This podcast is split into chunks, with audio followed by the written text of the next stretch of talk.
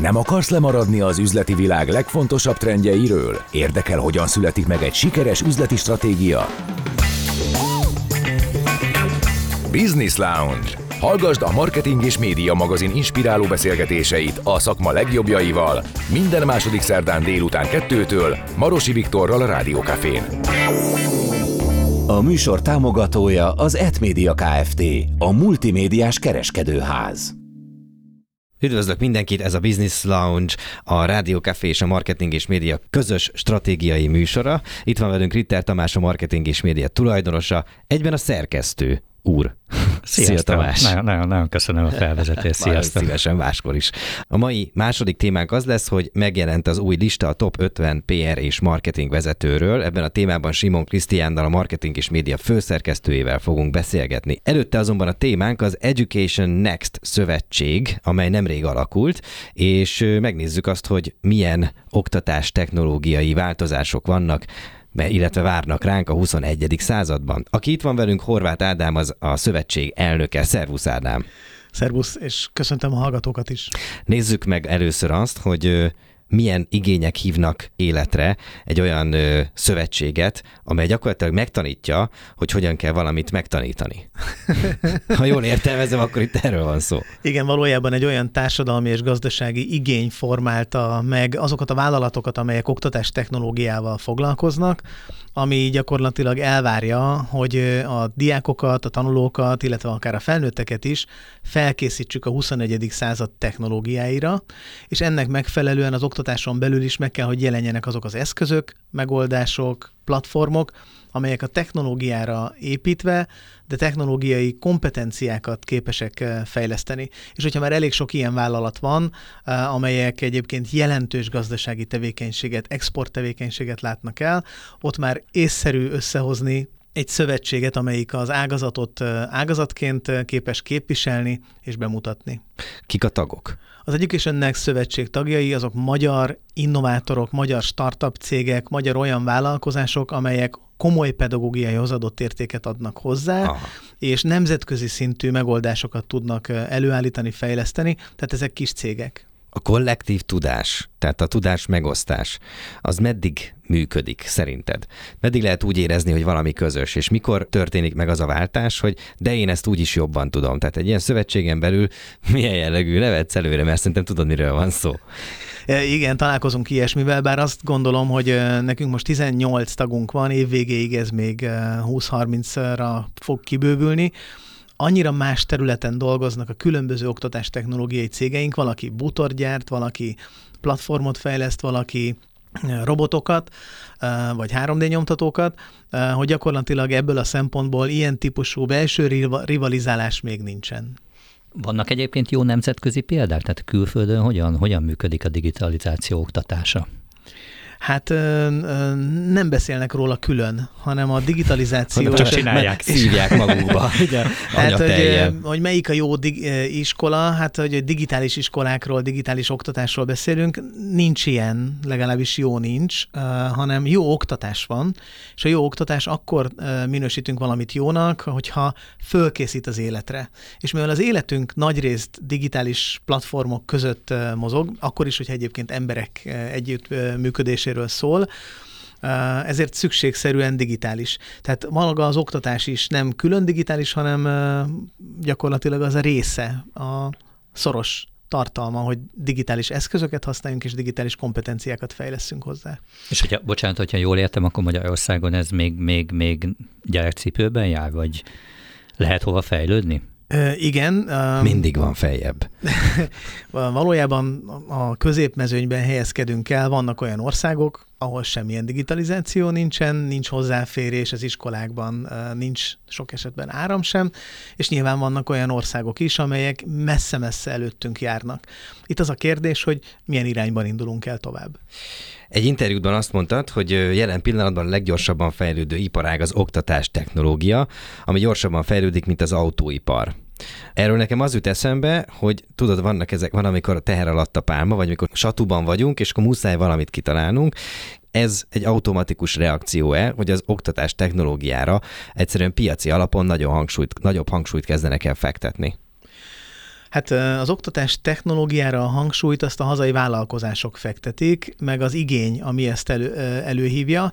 Az oktatás technológiának a politikai, szakpolitikai befogadása az szükségszerűen nem csak Magyarországon, hanem a világon mindenhol egyfajta fáziskéséssel történik meg. Hiszen itt nagyon gyorsan új és új technol, újabb és újabb technológiák jelennek meg, pont egy UNESCO jelentés azt írja, hogy 36 havonta lecserélődnek a legújabb technológiák az oktatásban, ezt nagyon nehéz lekövetni, és emiatt gyakorlatilag az oktatás technológia, a cégek azok előre szaladtak egy picit, az oktatás és az oktatás szabályozása az folyamatosan próbál ezután felzárkózni.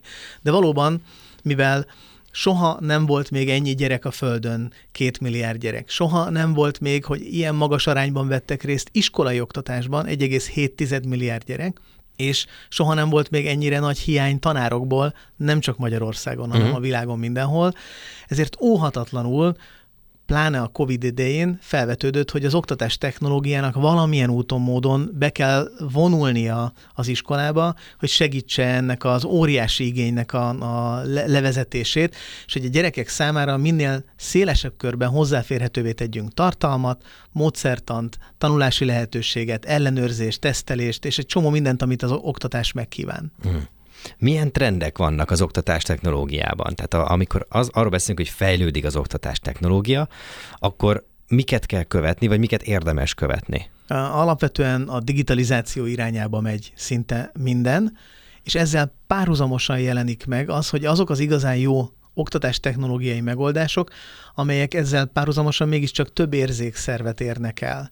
Tehát a tapintás, a látás, hallás mellett minél több mindent be lehet vonni, hogy a gyerek ne csak egyetlen egy platformról értesüljön dolgokról, mondjuk például korábban hát a persze. tankönyvből, hanem valamilyen úton, módon ezt egy interaktív folyamaton keresztül, egy tárgyalkotásba és egy közös alkotási folyamatba át tudja csatornázni, azért, mert legyen szó történelemről, biológiáról, kémiáról, sokkal könnyebb megjegyezni, hogyha nem csak hallottam róla, hanem én magam építem meg, kipróbálom, a hibákból meg lehet tanulni, hogy akkor ez hogyan tud beépülni, és ez tele van oktatás technológiával, digitális platformokkal, közösségi platformokkal, amelyek segítik a tanulók egymással való együttműködését, vagy akár a 3D nyomtatókkal, amelyek előállítják ezeket a fizikai dolgokat.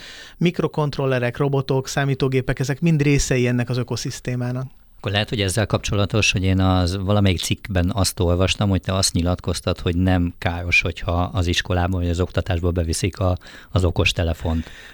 Ez tényleg így van? Erről mindjárt, mindjárt lesz egy gondolatom, igen? Nekem is. Én azt gondolom, hogy, hogy nagyon káros, hogyha nem viszik be. Tehát, hogy, hogy ebből nem lehet Milyen kimaradni. érdekes, ez fekete vagy fehér?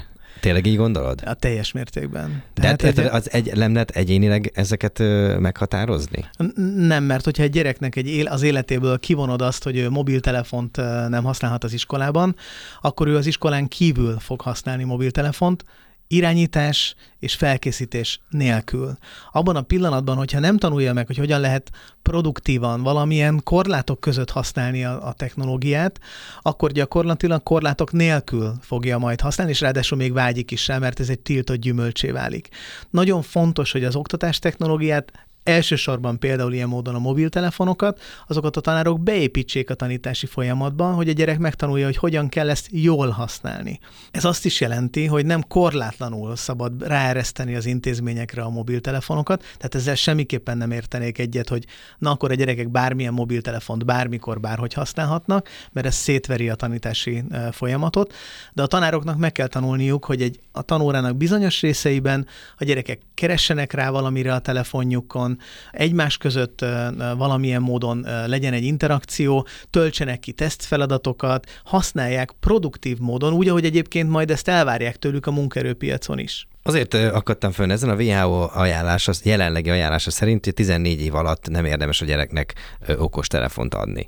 Az, hogy egyénileg ítéljük ezt meg, az, az megint csak rugalmasság kérdése. De de most tényleg az van, hogy ha mondjuk egy gyereknek 14 éves koráig csak természeti jellegű eszközöket adok a kezébe, tehát nem smartphone, nem, nem tablet, nem, nem, nem, tudom, nem, nem laptopozik órákat naponta, akkor, akkor ő biztos, hogy le fog maradni. Mi van, hogyha kiderül tíz év múlva, vagy húsz év múlva, hogy ő volt az igazán szerencsés? Tehát ezért kérdezem azt megint csak, hogy nem lehet ezt egyénileg megítélni.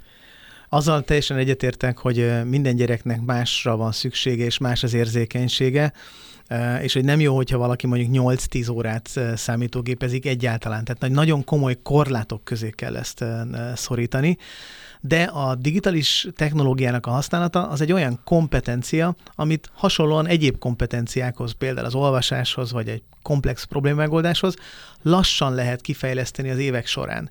És az emberi agynak a fejlődése az azt mutatja, hogy, a, hogy bizonyos korosztályokban bizonyos kompetenciákat könnyebben és jobban lehet fejleszteni, mint például mondjuk a nyelvtanulást, vagy a, akár a matematikai kompetenciát, és a digitális eszközöknek meg kell szépen jelennie gyakorlatilag már 14 éves kor alatt is azokon a területeken, amelyeken egyébként ezt elvárja, akár a hazai tan- tananyag is. Tehát logikát, algoritmizálást lehet számítógépek és robotok nélkül tanítani, de sokkal egyszerűbb, hogyha azokkal tanítjuk meg, korlátok közé szorítva. Mm.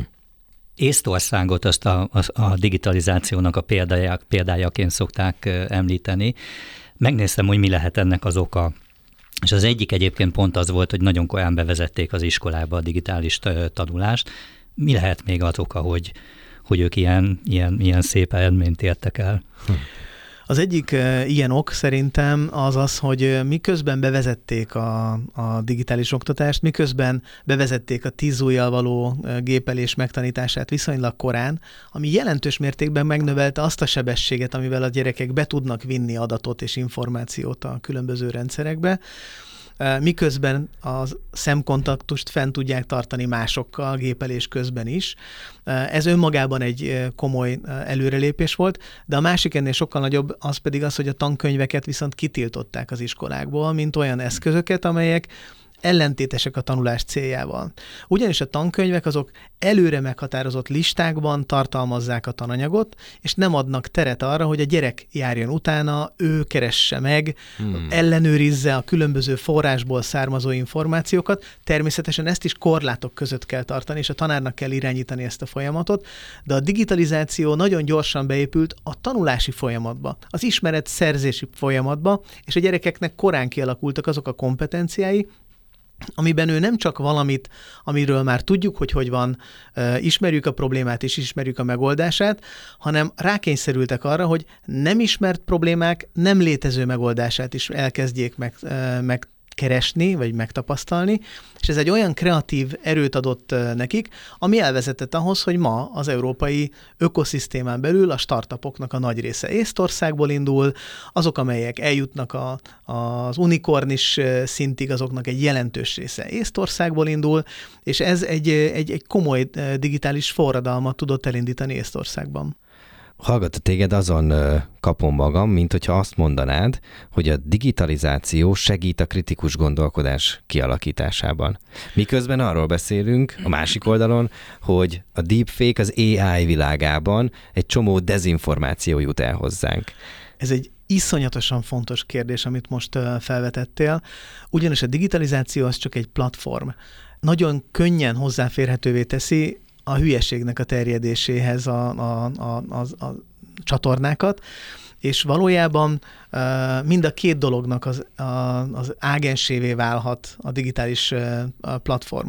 A digitális platform lehetővé teszi, hogy különböző forrásokra rákeressen, összehasonlítsa, kipróbálja, és ilyen módon a kritikus gondolkodást azt fejlesz de hogyha a gyereket soha senki nem motiválja ebben az irányban, akkor a közösségi médiának az állandóan földobott, lineárisan fölépülő és buborékszerűen gyűjtött információira fog rákattanni, és akkor gyakorlatilag távolabb kerülünk a, a kritikus gondolkodástól.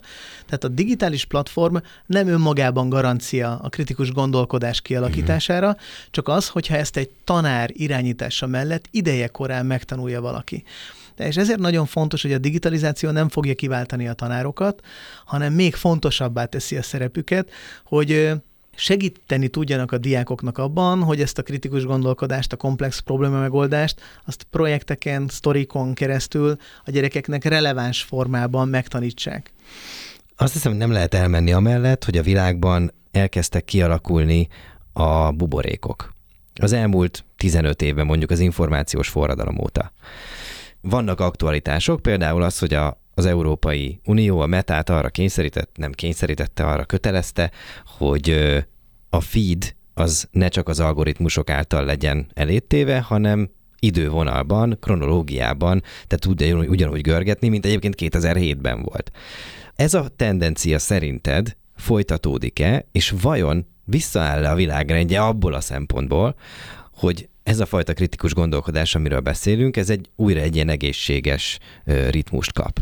Um, én ezzel kapcsolatosan szkeptikus vagyok, és szerintem rosszabb lesz a helyzet az AI-nak a terjedésével valójában az ilyen típusú közösségi média felületek, amelyek egymás után ajánlanak különböző tartalmakat, amelyek valamilyen algoritmus alapján vannak sorba rendezve, ezeket én azt gondolom, hogy érdemes lenne nagyon erősen korlátozni. Most ez vagy, történik. Vagy akár kivezetni teljesen. Az életünkhöz ugyanis erre nincsen szükség. Tehát valójában a digitális platformon sokkal nagyobb lehetőségek vannak akkor, hogyha célzottan az általunk meghatározott célhoz használjuk keresésre, és megtanuljuk ezeknek a kereséseknek a, lefolytatását.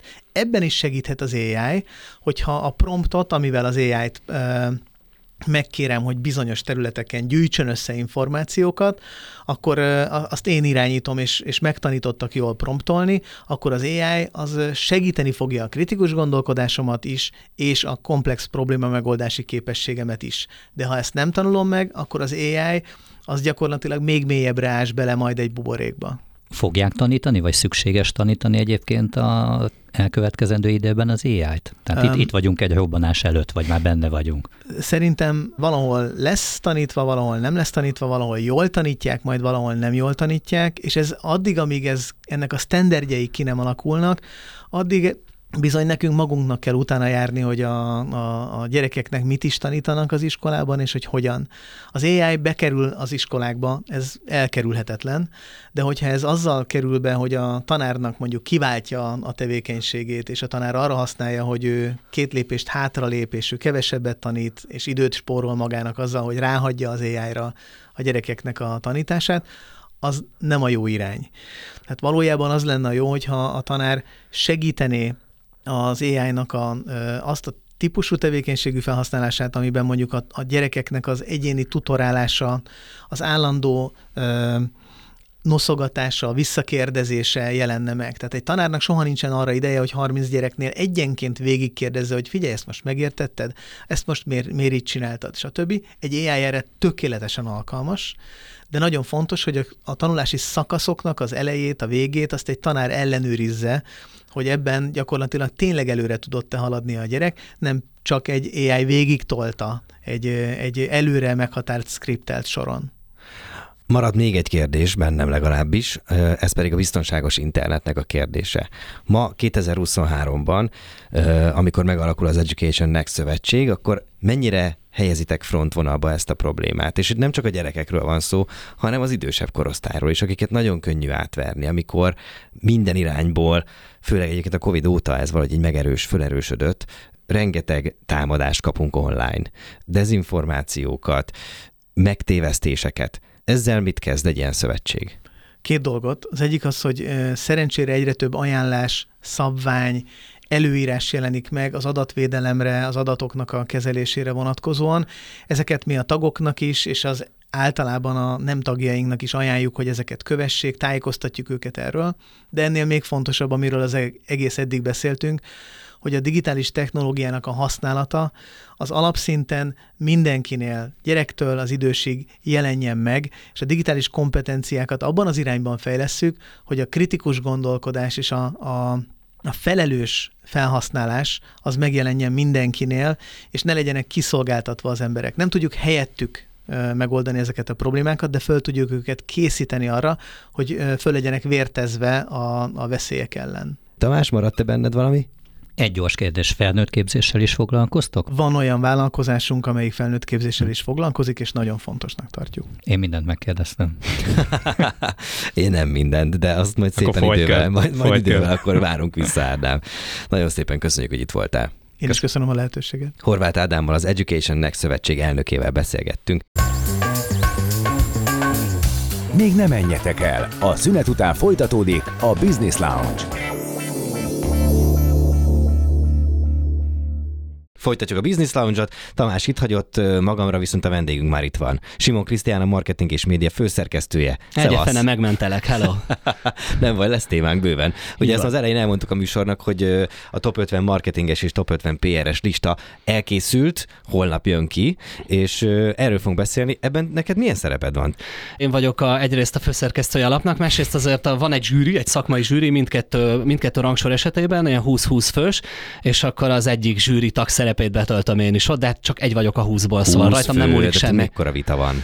Sokszor nem, nem szokott lenni? Nincs olyan nagy vita, nincs olyan nagy vita, megold, megoldjuk ezt szerintem elég, elég kulturáltan, meg eléggé jól, jól körbe lehet járni ezeket a dolgokat. Van egy nagyon jó kérdőív, amit kitöltenek a longlisten lévő emberek, ezeket visszakapjuk, odaadjuk a zsűritagoknak, a zsűritagok megnézik, és ott elég jól tudnak mérlegelni, azért megvan a szempontrendszer, ahhoz kapnak egy jó kis segédanyagot, és akkor szépen mindenki eldönti magában, tehát ez nem egy nagy nyilvános döntés, ahol, ahol összeveszünk, meg összevitatkozunk, hanem, hanem mindenki szavaz a saját kis kuckójában, a saját szempontrendszere meglátása, objektivitása, szubjektivitásával egybekötve szerint, és akkor kijön egy, kijön egy pontszám, mi meg a sok pontszámot összeadjuk, és aztán rendezzük ez alapján a rangsort. Na jó van, akkor mindjárt adja magát a kérdés, hogy mitől jó egy jó marketinges, ez az egyik ilyen fő kérdés. Ilyet ez az a lista, amit tavaly a Szabó Béra vezetett, ő a Telekom márkaigazgatója. Így van, így van, ő nyerte meg tavaly, szerintem tavaly lehet, hogy másodszor, de az is lehet, hogy harmadszor, úgyhogy bocsánat Béla, hogy nem tudom pontosan, de többször megnyerte Na, de már. jó a Béla? Megítélik, megítélik, a zsűri eldönti, ki kell tölteni a kérdőívet, amit mondtam, és a kérdőívben vannak ilyen szempontok, amikre nagyon kíváncsi a zsűri, hogy az elmúlt egy évben a különféle szakmai megmérettetéseken, eseményeken ők hogy voltak jelen, például milyen kampányokkal, pályázatokkal, milyen tevékenységet folytattak, de vannak, vannak szakmai versenyek, reklámversenyek, hatékonysági versenyek, versenyek. Szóval van egy csomó, csomó dolog a reklám szakmában, meg marketing szakmában, ami ilyen viszonylag jó mutatószám az ő tevékenységükről, de nyilván figyelembe veszik azt is, hogy hány, jelen, hány helyen hogy jelent meg, milyen előadásokat tartott, milyen bizony, véleménye volt bizonyos dolgokban. Szóval sokféle dolgot lehet itt egybevetni, kell itt egybevetni, és akkor ez alapján kijön egy, kijön egy pontszám, meg majd egy eredmény. Az, hogy ő hogyan végzi a dolgát, az egy dolog, de az, hogy hogyan kommunikál kifelé, az szintén lehet szempont? Számít, igen, mert azért ebben a szakmában köztudott, hogy elég sok szakmai rendezvény, meg esemény van, konferenciák vannak, ahol kvázi a legjobbakat szokták meghívni, vagy hát azokat, akiknek adnak a véleményére, és ott nyilván az is számít, hogy ugyanazt hallom-e tőle, amit tavaly hallottam, vagy tavaly előtt hallottam, vagy van egy új gondolat a fejében, egy új ötlet a fejében, ami esetleg ösztönzi a szakmát, arra sarkal szakembereket, hogy ez érdemes odafigyelni, hogy ezt követni érdemes. Ő azért egy elég komoly megmondó ember szerintem a szakmában, de sokan vannak még rajta kívül, akik nagyon komoly megmondó emberek. Azért itt a longlisten vannak 150-en. Abból hmm. lesz egy 50-es rangsor, és ott is, akik az első tízben vannak, vagy az élbolyban vannak, azért oda nem lehet csak úgy egy csattintésre bekerülni, ja. oda kell valami plusz, amit, amit meg mondjuk a, a zsűri, akik főként ügynökségi vezetőkből állnak, meg szakmai szervezetek, szövetségek vezetőiből, elnökeiből, elég jól meg tudnak ítélni, mert ismerik őt, ismerik őt személyesen, ismerik őt azért, mert oda, oda megy egy tenderre, tehát elő kell, hogy néha adja magát, hallgatják őt a különböző konferenciákon, tehát azt gondolom, hogy van egy rálátás mondjuk az ő meg a társainak a tevékenységére, egy elég jó rálátás. A marketinges hogyan tud jól megújulni? Van egy csomó dolog, ami szerintem áthatja a marketinget, meg arra készteti sarkalja őket, hogy, hogy új dolgokban kell gondolkozniuk. Most mondok két dolgot, ami kapásból eszembe jut. Az egyik mondjuk a big data, amiről rengeteg rengeteget beszélünk, mert hogy elképesztő mennyiségű adat van a marketingben, amit ugye lehet használni, csak persze nem biztos, hogy mindenki tudja, hogy hogy kell azt használni, de hát érdemes megtanulni. És hát ott van a mesterséges intelligencia, ami szerintem így alapjaiban átírja ezt a szakmát is. Szép lassan, nem azt mondom, hogy egyik napra a másikra, de kb. meg kell barátkozni azzal a gondolattal, hogy lesznek olyan feladatkörök, vagy lesznek olyan, nem tudom én mondjuk egy reklámszöveg szlogen megírása, lehet, hogy majd a gép jobban meg fogja írni, mint a Béla, vagy a társai, vagy mondjuk én. És akkor igen, ezen el kell gondolkozni, hogy ezt hogy építjük be a mindennapi tevékenységünkbe, vagy hogy tényleg azt választjuk el, vagy igazából csak azt kérjük a mesterséges intelligenciától, hogy gondolkodjon gondolkozzunk elő, gondolkozzon előre helyettünk egy picit, de majd a végén mi megoldjuk, tehát mégis mi választjuk ki. Szóval egy csomó, csomó dolog is, lehet. Ez egy önérzeti kérdés. Igen, igen, meg hát ego, tehát hogy mégis hagyjam egy gépre, vagy ezzel mégis csináljam már én. Lehet, hogy azt mondom, hogy inkább csinálom én. De szóval szerintem nem nagyon lehet pihenni. Meg ugye elképesztően sokat hallunk arról, hogy az üzleti világot azt azért nagy mértékben áthatja a marketing. Tehát ilyen marketing vezérelt üzleti világot élünk most, szerintem jobban, mint talán egy-két évtizeddel korábban, vagy legalábbis ez a hype, ezt hallani, erről beszélünk sokat. Ha pedig így van, akkor a marketingnek azért elképesztően fontos stratégiai szerepe van, ott fent a magas pozíciókban is, tehát nem biztos, hogy mindent a sales dönt el, meg a kereskedelem, meg a CEO, hanem ott van egy marketingvezető, akinek nagyon is érdemes a szavára hallgatni, hogy a sales is jól alakuljon. Itt volt egy párfordulás az, az üzleti világban, amikor a marketing szerepe az jócskán megugrott. Ez mikor volt szerinted?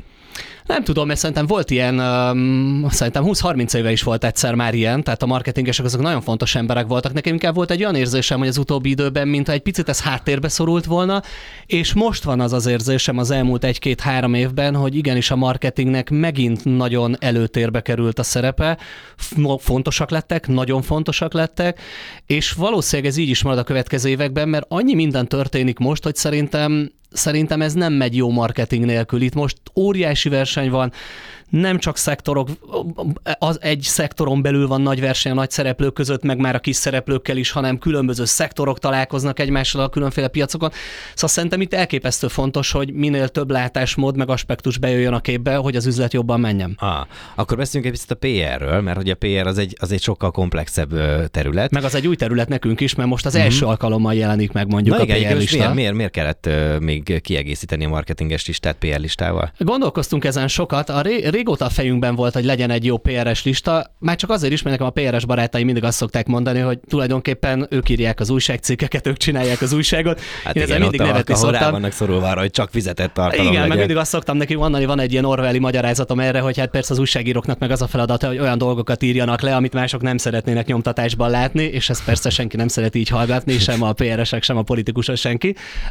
Meg is van ennek az oka. Szóval, hogy a PR meg az újságíró szakma egyébként közel áll egymáshoz, soka, sokszor kérték tőlünk, hogy legyen egy PRS rangsor, Uh, ugye ha, a ha nem is, volt, akkor miért nem volt? Részben azért nem volt, mert a marketinges listánk az egy marketing kommunikációs lista, amiben egy picit benne van a kommunikáció is, nem kifejezetten a PR, inkább a vállalati kommunikáció. Viszont mivel régóta gondolkozunk azon, hogy legyen PR és kommunikáció, tehát ezt vegyük inkább le, válasszuk egy picit szét, mert nagyon-nagyon sok olyan nagyon jó PR szakember van az országban, meg vállalati kommunikációs szakember, akinek igaziból a munkája nem feltétlenül kapcsolódik annyira szorosan a marketinghez ez olyanok is vannak, ahol összekapcsolódik vállalati kommunikáció és vállalati marketing esetében ez a két feladatkör, de kifejezetten például ott vannak a PR ügynökségek, akik nagyon fontos szerepet játszanak abban, hogy megint csak, hogy jól működjön a vállalati kommunikáció kifelé, a sajtóban milyen megjelenések vannak, ott kiadhatatlan szerepe van a, a PR ügynökségeknek, a jó PR szakembereknek, és akkor jött az ötlet, hogy inkább csináljunk egy PR-es rangsort, tegyük bele a vállalati kommunikációs szakembereket is, és ez egy komplex rangsor lesz, de nagyon más lesz, mint a marketinges. Van egy pici átfedés, talán 5 vagy 6 ember, aki ugyanaz a két listán, de van másik 44, aki viszont nem szerepel a marketinges rangsoron, a PRS-en viszont ott van, és ők nagyon komoly, nagyon menő szakemberek. A szempontrendszerek között az szerepet vállalt, hogy egy PRS mennyire tud organikus lenni egy platformon? Hogyha mondjuk látunk egy PR cikket, mi a jobb? Az, hogyha orra alá dörgöljük az olvasónak, hogy figyelj, ez most egy fizetett tartalom, úgyhogy úgy olvasd, és attól függetlenül ugyanúgy tudja olvasni, ugyanolyan érdeklődéssel, de közben meg van az, amikor nem szívesen olvasunk ilyen PR cikkeket. Szóval, Így van. Hogy... Egyébként ez nem volt benne a szempontrendszerben, de köszönjük szépen a, a tippet, lehet, hogy jövőre beletesszük majd. Szóval azért jó gondolat, a jó gondolatok mindig, mindig kellenek, szükség van rájuk. De igen, nagyon komplex a feladatuk, meg ez is egy komplex terület, mert nagyon sokat változott az elmúlt időszakban. Tehát régen volt egy, egy fizetett hirdetés, ami kreatív formájában egy per egyként vagy valamilyen méretben megjelent, meg voltak a jól elkülöníthető PR cikkek, XL megjelölve leadben cím mellett, akár a szöveg végén, Ma ennek is nagyon sok formája van, meg vannak a natív hirdetések, ahol meg nem is biztos, hogy egyértelműen tudjuk. Szóval ez egy bonyolult, komplex terület. Milyen jobb az olvasó szempontjából? Az olvasó szempontjából szerintem... Ha nem tudja? Az is komplex, nem egyértelmű. A homály Figyelj, én még, mindig, én még mindig egy printben, mindig megnézek egy nagyon szép hirdetést egy újságban vagy egy magazinban, hogyha az egy per egyben ott van előttem, legyen autó vagy óra, de ha jó, akkor én azt megnézem. De ez Tehát más, az egy vizuális, jó. de amikor cikket olvasol. Amikor cikket olvasok, az is az sem, az sem feltétlenül egyértelműen az a jó, hogyha nem X-es, mert lehet, hogy van egy, van egy olyan megjelenése egy cégnek, ami, ami kifejezetten jól ül abban a formában, hogy X-es vagy speciális hirdetési megjelenés, és lehet, hogy nem jó úgy eladni, hogy egyébként én kiszúrom, vagy az olvasó elég hamar kiszúrja, hogy ez egy hirdetés. Tehát lehet, hogy a mai világban szerintem nem jó átvenni, sose volt jó átverni az olvasót, de ez talán a mai világban, ahol szerintem érzékenyebbek vagyunk, meg sokkal gyorsabban tudunk visszacsatolást adni mondjuk a szerkesztőknek, meg az újságíróknak, mert a különböző felületeken ez egy pillanat alatt megvan. Régen azért levelet kellett írni mondjuk Aha. egy újságnak, vagy egy magazin szerkesztőnek. postára. Igen, azért aztán nem mindenki vette Bommeló a fáradtságot. Ez most egyszerű, nem? Megfogom a telefonomat, bepötyögök valamit, aztán jól lehordom azt az újságírót, hogy na figyeljetek, hagyját, hagyjátok már ezt, ez, ez mekkora izé bakfigy. Szóval nem olyan egyszerű szerintem, de sokkal gyorsabban, gyorsabbak a visszajelzések, direktebbek, és szerintem nem szabad a palira venni az olvasót. Szerintem ez ma nagyon érzékeny, és erre, erre jobb odafigyelni, hogy inkább legyen X-es, vagy inkább legyen az egy tiszta cikk. De hát ez egy nagyon bonyolult dolog, mert nyilván a PR-eseknek, vagy egy PR ügynökség dolgozónak meg az a feladata, hogy adja el mindent, mindent a legjobb, legnagyobb mennyiségben és a legjobb formában adjan el az újságokban, de ez sem de olyan akkor melyik az erősebb moment. szempont? Hát mindegyik, mindegyik fontos szempont szerintem. Hmm. Nem, nem hiszem, hogy van erősebb. Mekkora sértődés, hogyha valaki egy ilyen listára nem kerül fel? Hát szokott ilyen lenni egyébként. Szerintem a listák azok ilyen érdekes dolgok, mert van, aki azt mondja, hogy mosolylista, egy lista, és ezt nem is lehet nagyon komolyan venni. Lehet, hogy ő nem kerül fel, vagy hogyha felkerült, akkor nem azon a helyen van, ahol ő szeretne mondjuk lenni. Tehát ez előfordul. Olyan is előfordul, hogy valaki nagyon szeretne felkerülni, de nyilván az sem megy, mert erről mégiscsak van egy zsűri, aki egy bizonyos szempontrendszer alapján szavaz, hogy kikerül be, és hogy hányadik helyen végez. Szóval így vannak, szoktak lenni sértődések, ha valaki nem ott van, vagy nem úgy van, van, de igaziból, igaziból összességében meg talán inkább örülnek neki, legalábbis az a tapasztalat a marketingesek és a PR-esek esetében majd meglátjuk, de a marketingesek esetében kifejezetten az volt a tapasztalat, hogy nagyon jók a visszajelzések, örülnek neki, többségében örülnek neki, szívesen megosztják a különböző social médiás felületeken. Szóval valahol büszkék erre, és azt gondolom, hogy lehet, hogy ez egy ilyen jó kis, akár referencia is lehet, akár azt is mutathatja számukra, hogy hol tartanak, azt is mutathatja, hogy hova szeretnének eljutni, mutathat bármit, de igaziból mi nyilván annak örülünk, ha ők is örülnek, bekerülni nem lehet, kikerülni nem lehet, sértődés meg van. Hogy néz ki egy ilyen lista? Mennyi a nő, mennyi a férfi? Ez egyébként szempontrendszere az, hogy mennyi nő és mennyi férfi kerül fel egy ilyen listára. Kaptok-e kritikát, hogyha esetleg több a férfi, mint a nő? Szoktunk Vagy kriti- fordítva? Nagyon jó, szoktunk kritikákat kapni, és jogosnak is gondolom. Van olyan, van olyan rangsorunk például az 50 legbefolyásosabb ember a magyar médiaiparban, vagy például az 50 legsikeresebb digitális szakember Magyarországon. Mind a kettő esetében túlnyomó többségében vannak a férfiak. Ez elég szubjektív, ez, ez vigyázni kell, az ilyen legekkel nagyon vigyázni Igen, kell. Igen, nagyon kell vigyázni, szoktuk is mondani a zsűrit, hogy tessék figyelembe venni azt is, hogy nagyon sok szakmában, meg nagyon sok digitális területen ott vannak a hölgyek, de amikor összeáll végül ez a longlist, amin vannak 150 vagy 200-an, akkor mindig az derül ki, hogy már a longlisten valahogy férfi túlsúly van. Ami nem tetszik nekünk, és próbálunk rajta változtatni, de hát ha megnézzük, hogy milyen digitális cégeknek a digitális szakterületein vezető pozícióban kik vannak, kik a, a digitális médiumoknak a főszerkesztői, kik a digitális marketing ügynökségeknek a vezetői, akkor mindig a végén oda jutunk, hogy basszus, egyszerűen az van, hogy többségben vannak a férfiak, és erről aztán mi végképp nem tehetünk, hiszen mi egy médium vagyunk, aki egy, egy listát készít. A zsűrit próbáljuk ösztönözni, hogy minél nagyobb számba kerüljenek a longlistre hölgyek. Na most a marketinges lista esetében és a PR lista esetében viszont az a jó hír, és nekünk is nagyon tetszik, és örülünk ennek, hogy már a longlisten is sokkal több a, a nő, mint mondjuk az említett másik kettő esetében, tehát a média médiás meg a digitális lista esetében. Szerintem ez egy másik szakma, mind a kettő olyan szakma, ahol a, a nők meg a hölgyek nem azt mondom, hogy felül vannak reprezentálva, de legalább majdnem ugyanott vannak. Tehát kb. 50-50 százalékban már a longlisten is ott vannak, és a végeredmény is valami hasonló, hogy az 50-es rangsorban közel a fele vagy a fele a rangsoron lévőknek az nő. És az elején is, tehát nem az van, hogy mondjuk a lista első felében vagy az élbolyban csak férfiak vannak, hanem az van, hogy ott is vannak nők. És ennek mi nagyon-nagyon örülünk, de, erről, de ezt tudtuk. Tehát, hogy ezt azért nagyjából sejtettük, hogy a marketing, a reklám világa, a PR világa, a hölgyek marha jól kommunikálnak, szerintem sok esetben százszor jobban kommunikálnak, mint mi férfiak. Nem véletlen. Tehát, hogy sok, sok dolgozik vezetőbeosztásban, vezető szakemberként, leadként, tök jó, hogy így van. Több női politikust. Hát az is jó lenne, valószínűleg az is jól működne. Beszélni, beszélni, nagyon jól beszélnek, jól gondolkodnak, türelmesebbek, mint mi férfiak, megfontoltabbak. Egy csomó olyan kutatás van, ami azt bizonyítja, hogy bizonyos szakmák esetében a hölgyek megfontoltabbak, tudatosabbak, és jól döntenek. Néha jobban döntenek. Na jó van, átbeszéltünk mindent. PR 50-es lista, marketinges 50-es lista. Ezek, ezek lesznek holnap a marketing és médián. Izgalmas lesz. Mikor jelenik meg? Csütörtök este jelenik meg, egy diátadó keretében, ott fog megjelenni a print is, a rangsor is ott jelenik meg, és ott mi a legjobb tíz szereplőt, a rangsor első tíz helyezettjét díjazni is fogjuk. Akkor jó bulizást holnapra, gondolom lesz az is. Az is lesz, az is lesz. Anélkül nincs diátadó, köszönjük. Simon Krisztiánnal beszélgettünk a marketing és média főszerkesztőjével. Ez volt már a Business Lounge, ami két hét múlva újra jelentkezik. További szép napot, szevasztok! Business Lounge. A marketing és média magazin inspiráló beszélgetései a szakma legjobbjaival. Lemaradtál? Visszahallgathatod a Rádió Café Spotify csatornáján. A műsor támogatója az Etmédia Kft. A multimédiás kereskedőház.